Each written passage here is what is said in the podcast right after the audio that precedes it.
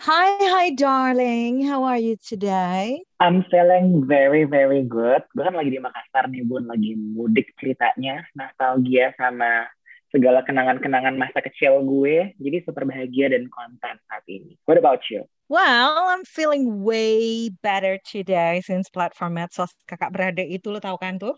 Facebook, IG, sama WhatsApp back to life.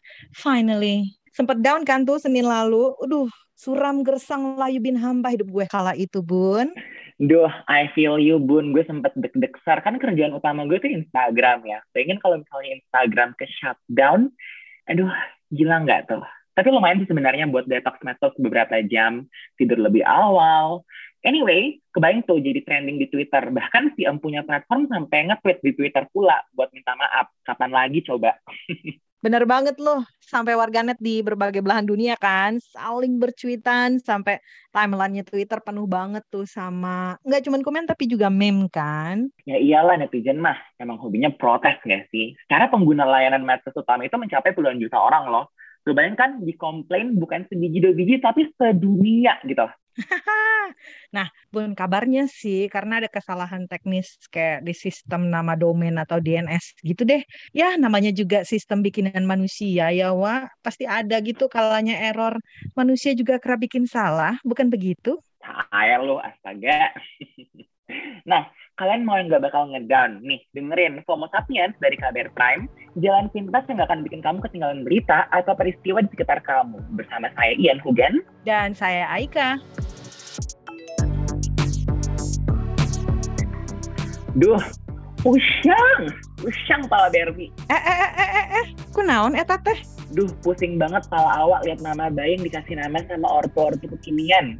Eh, bentar, yang mana? Itu loh yang di Tuban, kebayang lo punya anak namanya kayak gini nih. Rangga, Madipa, Sutra, Jiwa, Cordosega, Akri, Aksala, Muhal, Ilhanat, Akbar, Sahara, Tarik, Ziyad, Syafudin, Kutus, Kosahala, Surat, Talenta. woi durasi, woi durasi.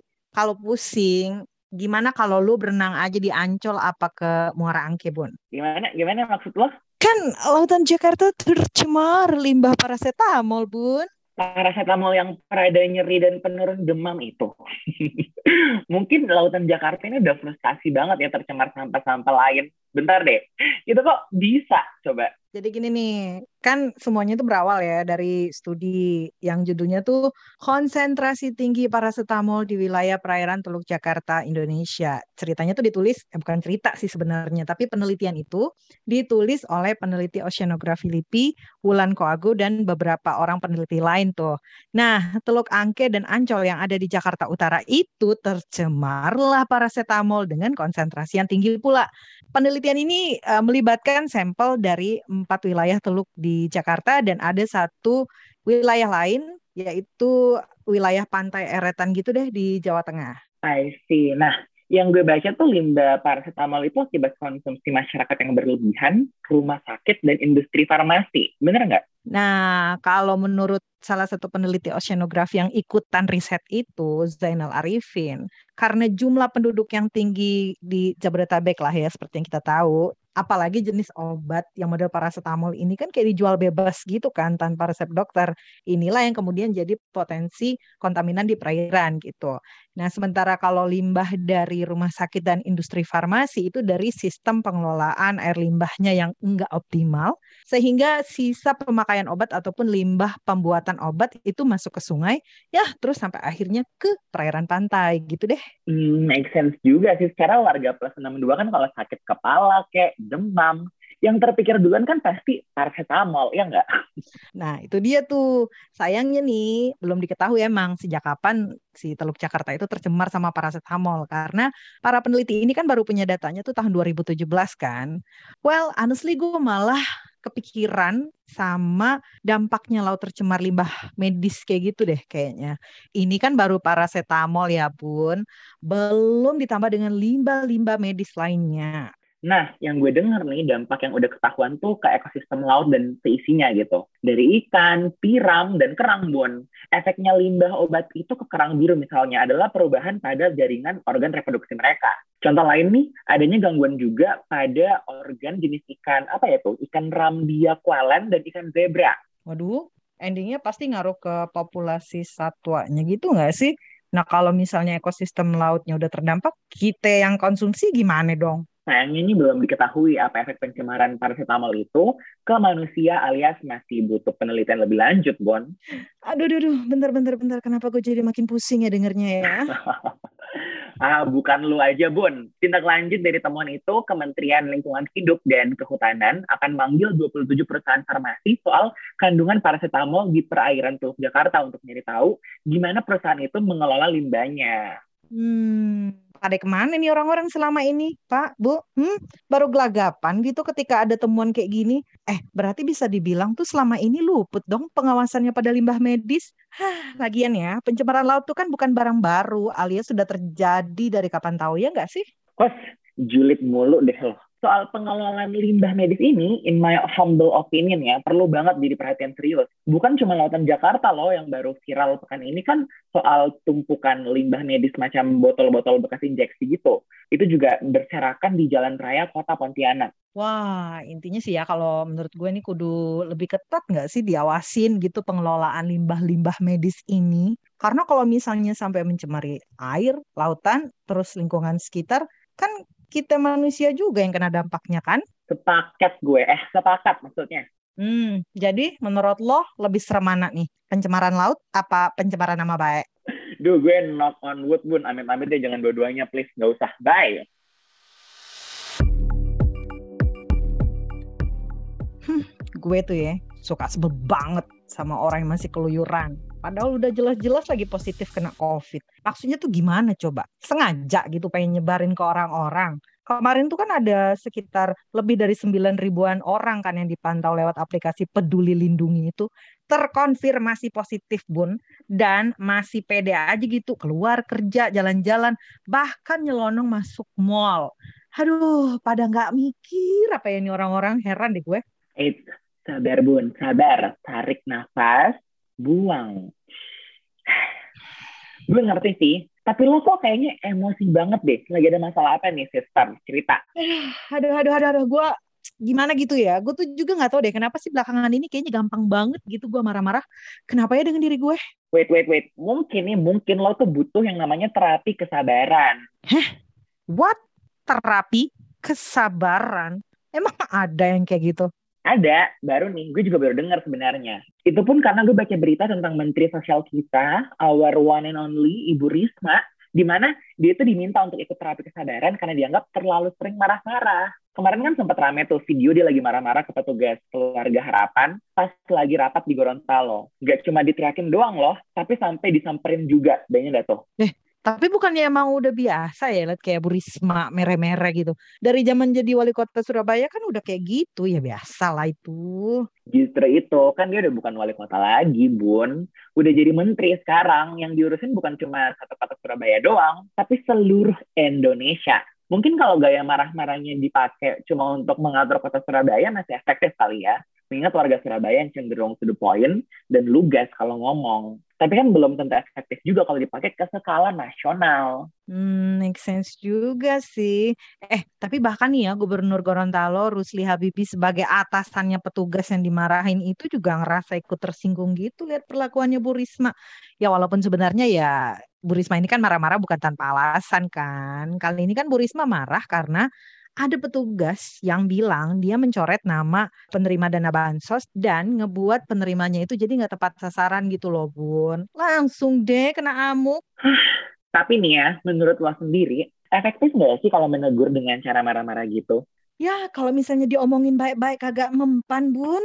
Marah-marah sekali nggak apa-apa lah ya nggak terus-terusan juga sih gue sempat baca nih soal model atau gaya kepemimpinan. Ternyata gaya kepemimpinan marah-marah itu justru tidak efektif dan menurunkan tingkat produktivitas. Gaya kepemimpinan ini bisa merusak keseimbangan hormon neurotransmitter si atasan yang marah-marah itu. Terus juga bisa bikin stres bawahan yang dimarahi sehingga kinerjanya menurun dan tentunya bikin nambah kerutan, Bun. Wow, yang terakhir itu kayaknya paling bahaya deh, Bun. Asli, iya kan? Makanya penting banget untuk ngelatih anger management biar nggak marah-marah sampai meledak-meledak gitu. Karena gaya ini juga sebenarnya udah nggak terlalu relate di era modern seperti sekarang ini menurut gue. Marahin bawahan sampai meledak-meledak apalagi di depan banyak orang, aduh malah bikin masalahnya nggak selesai nggak sih? Itu sih namanya menyelesaikan masalah dengan masalah lagi, menurut gue. Aduh, nggak kebayang deh gue kalau misalnya gue nih ya kena amuk di depan orang rame gitu, eh viral lagi. Keren juga sih, tapi yang masih sempet-sempetnya ngevideoin. Gue mah begitu udah kayak gemetar duluan gak sih? Udah pipis celana kali. Videonya sampai tremor bun rekamannya. Ya, tapi namanya juga konten tetap nomor satu ya kan. Eh, BTW nih ngomongin soal pejabat yang suka marah-marah. Ini kan Bu Risma tuh bukan cuma satu-satunya deh. Kalau kita lihat dari zamannya Pak Ahok alias Pak BTP itu kan juga udah kayak gitu kan.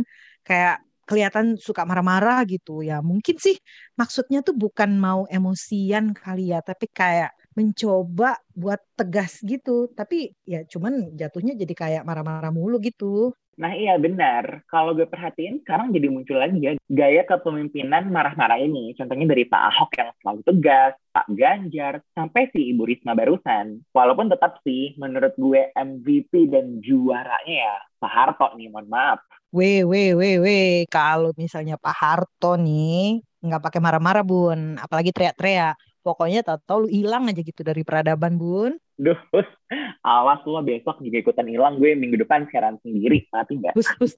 Amit, amit, amit, amit. Makanya jangan marah-marah mulu. Ini emang lagi tren apa gimana sih? Yang bener aja masa iya marah-marah jadi tren bun? Bukan tren kali, tapi branding, ya kan? Zaman sekarang mah nggak cuma influencer aja kali yang butuh branding. Pejabat juga kan harus branding. Mungkin Bapak Ibu pejabat yang sering marah-marah itu sengaja pengen image galak mereka itu tuh terus melekat gitu loh bun. Karena kalau nggak galak ya nggak dilirik ya kan? Iya sih.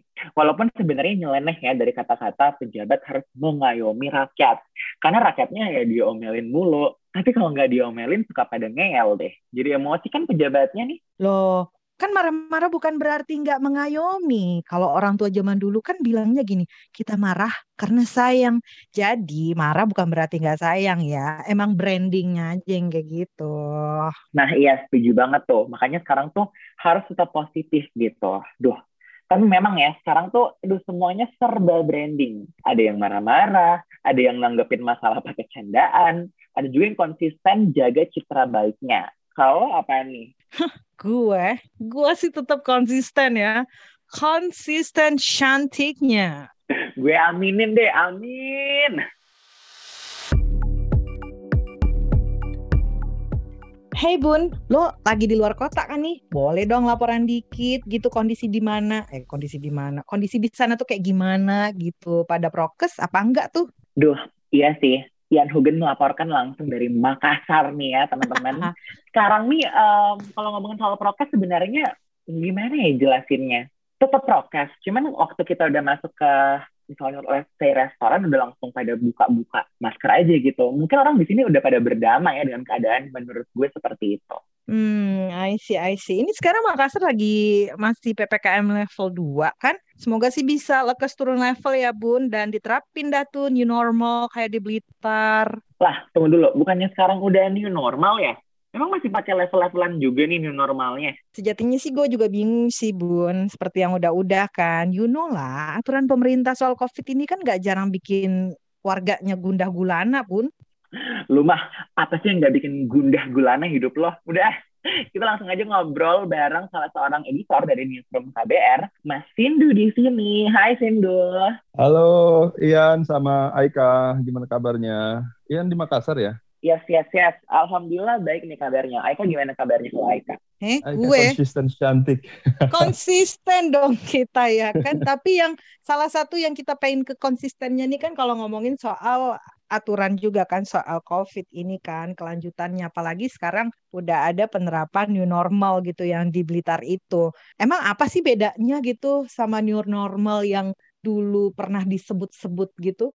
Kalau dari dari new, new normal yang dulu sama yang sekarang kayaknya nggak ada jauh bedanya dengan yang saat ini akan diterapkan di Blitar. Cuman ini kan dulu ketika diterapkan kan menimbulkan kritik karena pilihan frasa new normal itu kan menimbulkan tafsir yang macam-macam di masyarakat karena kita ada tingkatan pendidikan yang berbeda berbeda-beda. Mungkin sebagian orang akan mengartikan oh ini kita bisa bebas melepas masker, berkerumun dan dan sebagainya. Tapi di di Blitar ini kurang lebih sama dengan new normal kayak dulu bahwa tetap 5M, memakai masker, menghindari kerumunan dan sebagainya gitu. Jadi kurang lebih sama lah. Blitar di, dipilih karena dari 44 kabupaten kota berstatus level 1, Blitar itu yang satu-satunya yang di Jawa Bali. Jadi kenapa itu dipilih wilayah Blitar dan dia ada di Jawa dan Bali yang dulu lonjakan kasusnya cukup tinggi. Itu yang jadi salah satu pertimbangan pemerintah. Nanti ada beberapa pertimbangan lah yang digunakan pemerintah kenapa harus memilih Blitar sebagai pilot project untuk new normal ala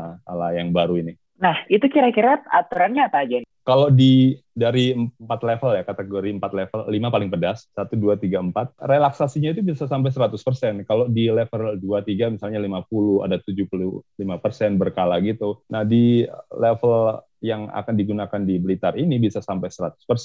Semisal kalau di toko atau swalayan dan pasar rakyat itu sudah bisa tujuh, buka 75 persen hingga pukul 10 malam. Kemudian fasilitas umum seperti tempat wisata tuh boleh dimasuki anak-anak usia 12 tahun dengan kapasitas 75 persen. Kemudian sektor kritikal dan esensial itu udah bisa 100 persen berjalan kayak logistik, makanan, minuman, konstruksi, keamanan dan uh, kesehatan tuh udah udah bisa. Nah, di level new normal Blitar ini, mereka juga bisa menggelar acara resepsi pernikahan dengan prasmanan. Tuh beberapa. Jadi kebijakannya bisa sampai 100% tuh pelonggarannya. Oh, oke okay, oke. Okay.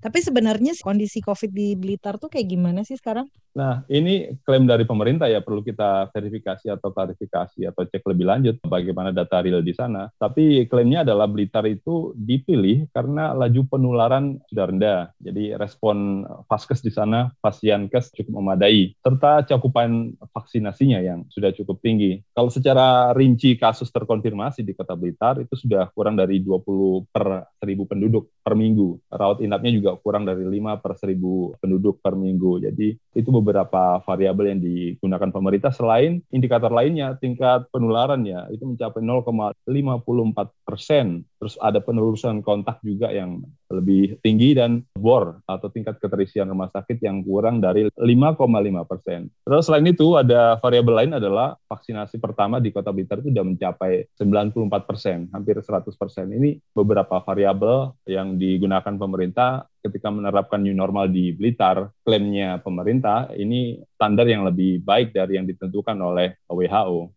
Tapi ini sebenarnya kesannya ngebet banget nggak sih pemerintah ini? Para epidemiolog tuh sempat banyak yang khawatir kan?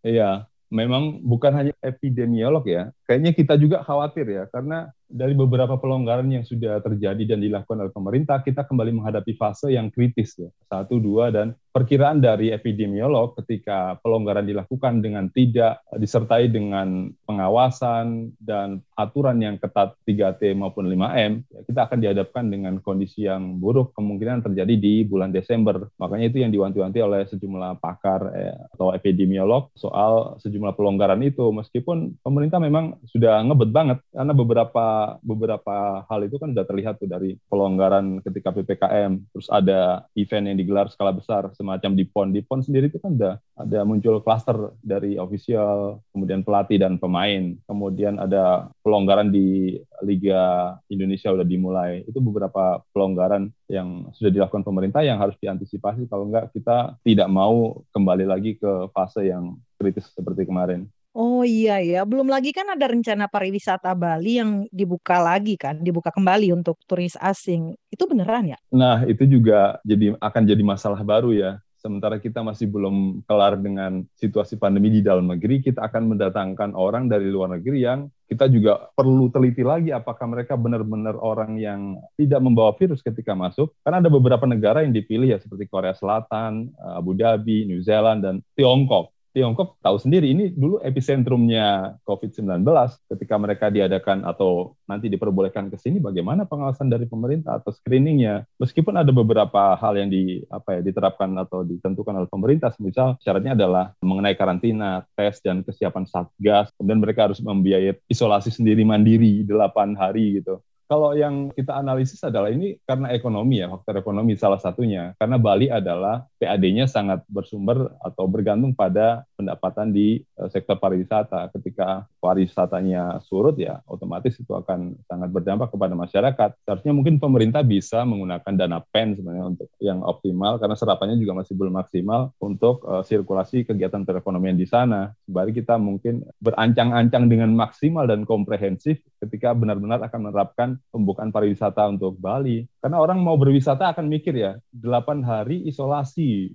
ketika berkunjung ke satu negara gitu. Artinya orang yang berkunjung itu harus benar-benar tajir kayaknya. Bayangin Aika mau ke apa London gitu, di sana suruh di hotel dulu 8 hari nggak jalan-jalan gitu. Seorang orang yang benar tajir ya. Bener banget sih itu selain punya visa harus tajir ya pastinya. Terakhir nih Mas Indo, sepekan ini peristiwa atau informasi apa aja nih yang diulas sama redaksi? Ada banyak sekali sebenarnya, tapi beberapa hal yang bisa di, kita sampaikan adalah soal PON Papua itu. PON Papua karena di sana juga ada sudah mulai ada klaster dari atlet, official dan sebagainya itu sudah mulai di, dirawat di beberapa tempat isolasi. Nah, PR-nya kemudian adalah bagaimana memulangkan mereka dengan kondisi yang aman dan tidak terjadi penularan di daerah asal karena itu kan atlet dari seluruh provinsi ya 34 provinsi. Masih di Papua juga kita ada kerusuhan di Haukimo kemarin di Kiwirok juga. Kemudian yang terbaru ada pengesahan undang-undang harmonisasi peraturan perpajakan tuh. Itu yang sempat jadi perdebatan juga karena di dalamnya akan menambah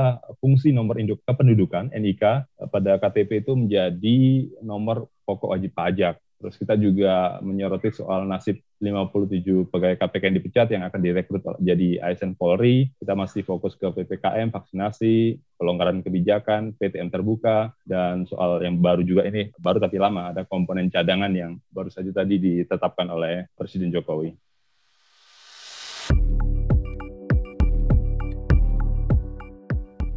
Greta Thunberg ajak komitmen perubahan iklim para pemimpin dunia.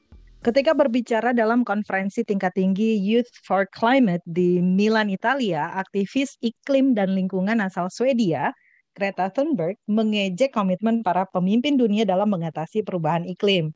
Ia mendeskripsikan janji iklim 30 tahun para pemimpin dunia sebagai bla bla bla atau omongan doang tanpa aksi nyata.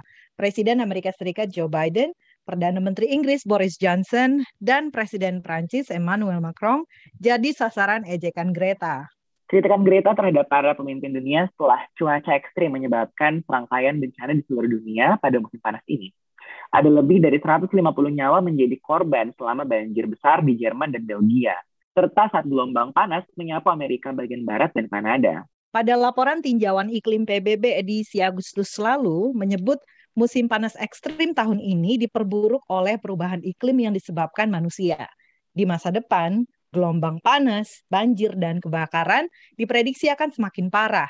Laporan itu juga memproyeksikan memanasnya suhu bumi hingga 6 derajat Fahrenheit lebih tinggi pada akhir abad ini jika emisi gas rumah kaca tidak segera dikurangi. Maka dari itu, Greta dan generasi muda lainnya di seluruh dunia mendesak agar para pemimpin dunia mencari jalan untuk transisi ke perekonomian rendah karbon. Mereka juga menuntut para pemimpin dunia untuk memenuhi target iklim. Itu dulu buat pekan ini, saya Aika. Dan saya Ian Hugden, sampai ketemu pekan depan.